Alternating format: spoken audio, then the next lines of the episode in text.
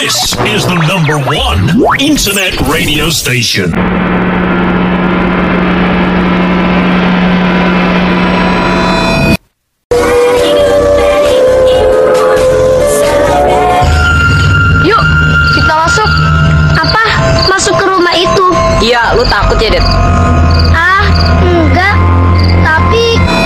Sesuatu yang menimbulkan perasaan ngeri atau takut yang amat sangat.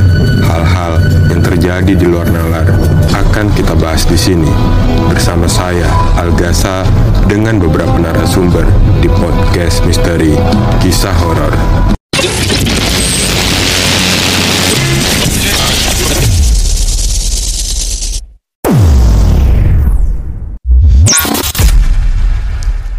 This is the number one internet radio station. This is the number one internet radio station. ada kabar bagus nih buat kalian semua pecinta horor dan punya banyak pengalaman cerita horor. Kalian bisa loh jadi salah satu narasumber kami di podcast Misteri Kisah Horor. Caranya gimana? Kalian bisa langsung DM kami di @official kisah horor atau @pentol ke pentol. Ditunggu ya cerita-cerita dari kalian. See you in another podcast. Enjoy!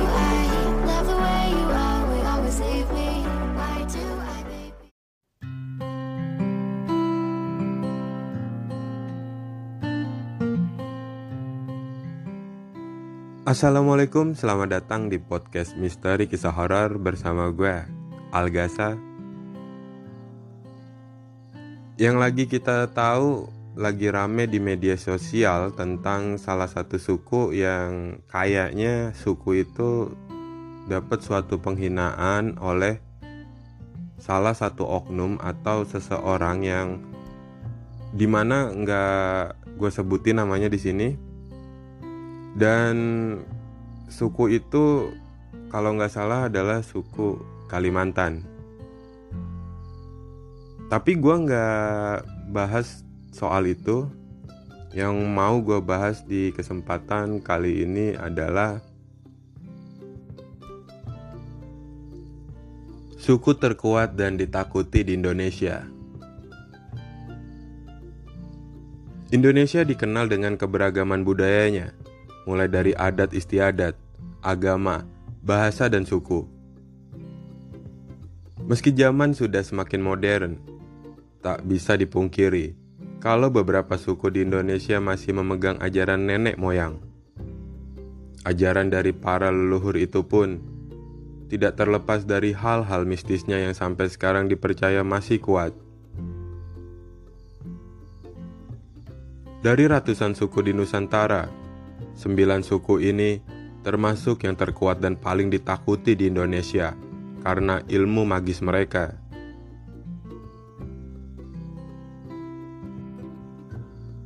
Kita mulai dari yang pertama ada suku Dayak, Kalimantan Timur. Tidak asing lagi dengan suku yang satu ini. Suku Dayak ini berasal dari Kalimantan Timur. Kabarnya, Masyarakat suku ini sampai sekarang masih memiliki ilmu sihir yang sangat berbahaya. Salah satu ilmu mistis yang paling terkenal dari suku ini adalah mandau terbang. Mandau itu senjata tradisional suku Dayak. Dengan ilmu itu, orang Dayak tidak perlu mengejar musuhnya sampai mati-matian. Karena mandau tersebut bisa terbang sendiri dan menebas kepala si musuh. Tapi di sisi lain, mando terbang itu dikirim untuk melindungi orang yang mereka anggap kawan, saudara, dan keluarga. Ada pula ramuan bulu perindu yang bisa bikin siapa saja jatuh cinta.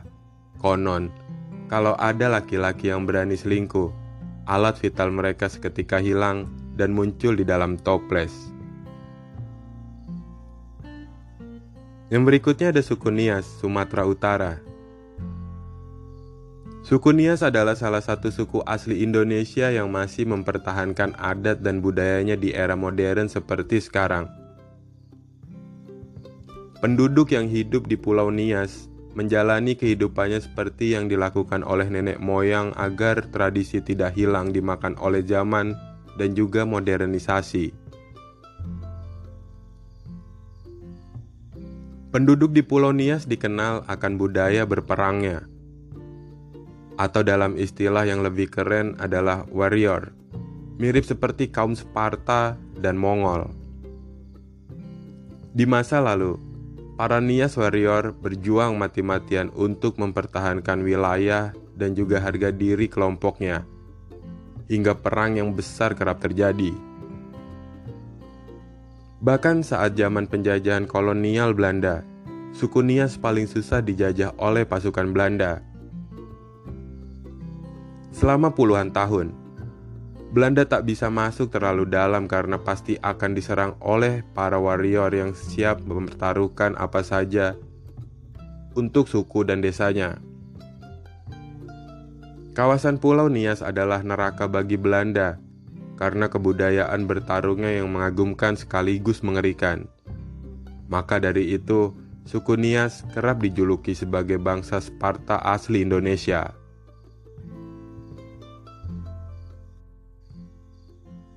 Berikutnya suku Osing, Banyuwangi. Banyuwangi juga sering dikaitkan dengan hal-hal magis. Katanya, banyak dukun santet di daerah ini, di Banyuwangi, ada satu suku yang paling ditakuti, bahkan sampai ke luar negeri, suku Osing namanya. Tahun 1998, pernah terjadi tragedi santet Banyuwangi yang menewaskan ratusan orang. Mereka semua dibunuh dengan cara sadis, dari dipenggal sampai di arah keliling kota. Ilmu santet biasa digunakan untuk tujuan balas dendam sampai si musuh meninggal. Namanya santet merah.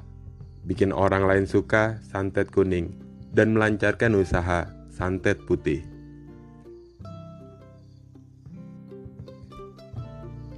Lanjut, ada suku Asmat Papua. Suku Asmat dikenal dengan hasil ukiran kayunya yang unik. Populasi suku Asmat terbagi dua, yaitu mereka yang tinggal di pesisir pantai dan mereka yang tinggal di bagian pedalaman. Suku Asmat meyakini bahwa mereka berasal dari keturunan dewa Fumaripitsi yang turun dari dunia gaib yang berada di seberang laut di belakang ufuk. Tempat matahari terbenam tiap hari. Suku Asmat punya ritual cukup mengerikan, yakni ketika ada anggota keluarga yang meninggal, harus ada pemotongan jari dari anggota keluarga yang ditinggalkan. Ada mitos yang mengatakan jangan sesekali membuat marah dan tersinggung suku Asmat. Siap-siap kalian akan kena akibatnya. Kalian bisa menendak sakit misterius, miskin mendadak, kecelakaan, dan masih banyak hal-hal tak terduga lainnya. Yang keenam, suku Kajang Amatoa, Sulawesi Selatan. Di pedalaman Kabupaten Bulukumba, Sulawesi Selatan, ada namanya suku Kajang Amatoa. Suku ini percaya bahwa mereka tinggal di tanah toa atau tanah tertua yang diciptakan Tuhan bumi pertama kali. Suku Amatoa atau suku Kajang ini adalah suku yang mencintai alam. Kecintaan suku Kajang terhadap lingkungan dikarenakan suku Kajang yang menganggap hutan selayaknya ibu sendiri. Karena ibu adalah sosok yang dihormati dan dilindungi. Mereka biasanya mengenakan pakaian serba hitam untuk melambangkan kesederhanaan, kesetaraan, dan kematian yang bisa datang kapan saja. Suku Kajang memiliki banyak ritual unik dan membahayakan. Salah satunya adalah Atunu Panroli. Ritual ini biasanya dilakukan ketika terdapat masalah, di antaranya terdapat kasus pencurian di tengah pemukiman masyarakat adat. Ritual ini dilakukan dengan cara memegang linggis yang telah dibakar merah membara sebagai wadah mengetes kejujuran masyarakat. Linggis ini tidak akan pernah terasa panas jika dipegang oleh seseorang yang bersifat jujur. Tapi jika sedikit berbohong, maka linggis panas ini akan melumat tangannya. Jika kabur dari upacara sakral ini, maka sesepuh adat akan berkumpul dan mengucapkan mantra yang ditujukan kepada pelaku yang kabur. Nantinya akan mengalami sakit dan berakhir dengan kematian.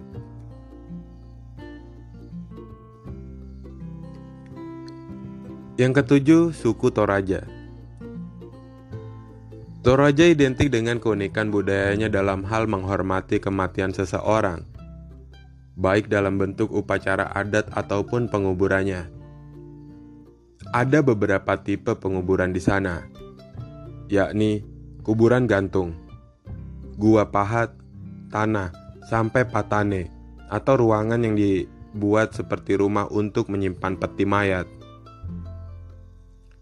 Objek wisata Batu Lemo merupakan tempat pemakaman yang umum digunakan orang Toraja Wujudnya berupa batu-batu berukuran besar yang dilubangi sedemikian rupa hingga membentuk sebuah ruangan. Ruangan inilah yang digunakan untuk meletakkan peti-peti dari satu rumpun keluarga.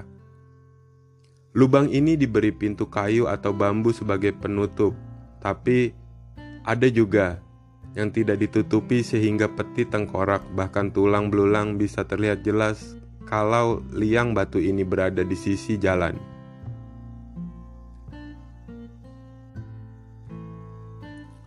Berikutnya suku Korowai, Mapi, Papua.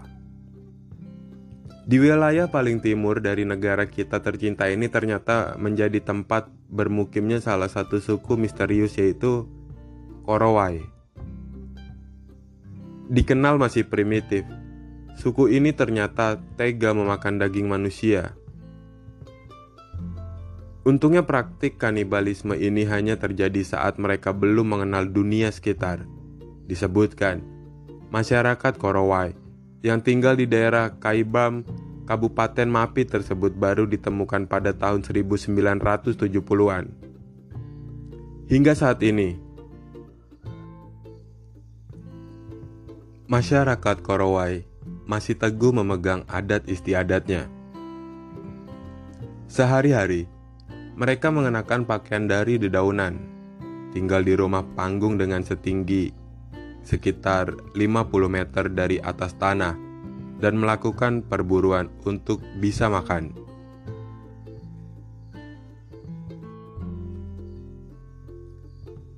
Lanjut yang kesembilan ada suku Bati Pulau Seram Maluku. Seram disebut sebagai pulau utama sekaligus terbesar di Provinsi Maluku selain Pulau Ambon. Berkembang cerita bahwa di wilayah ini berdiam sebuah suku Indonesia misterius bernama Bati. Berdasarkan omongan yang tak diketahui asalnya itu pula, diketahui bahwa suku Bati ini bukanlah manusia, melainkan makhluk besar yang sekilas mirip dengan kelelawar raksasa mereka kerap memangsa hewan sebagai santapan, namun kadang anak kecil pun menjadi korban.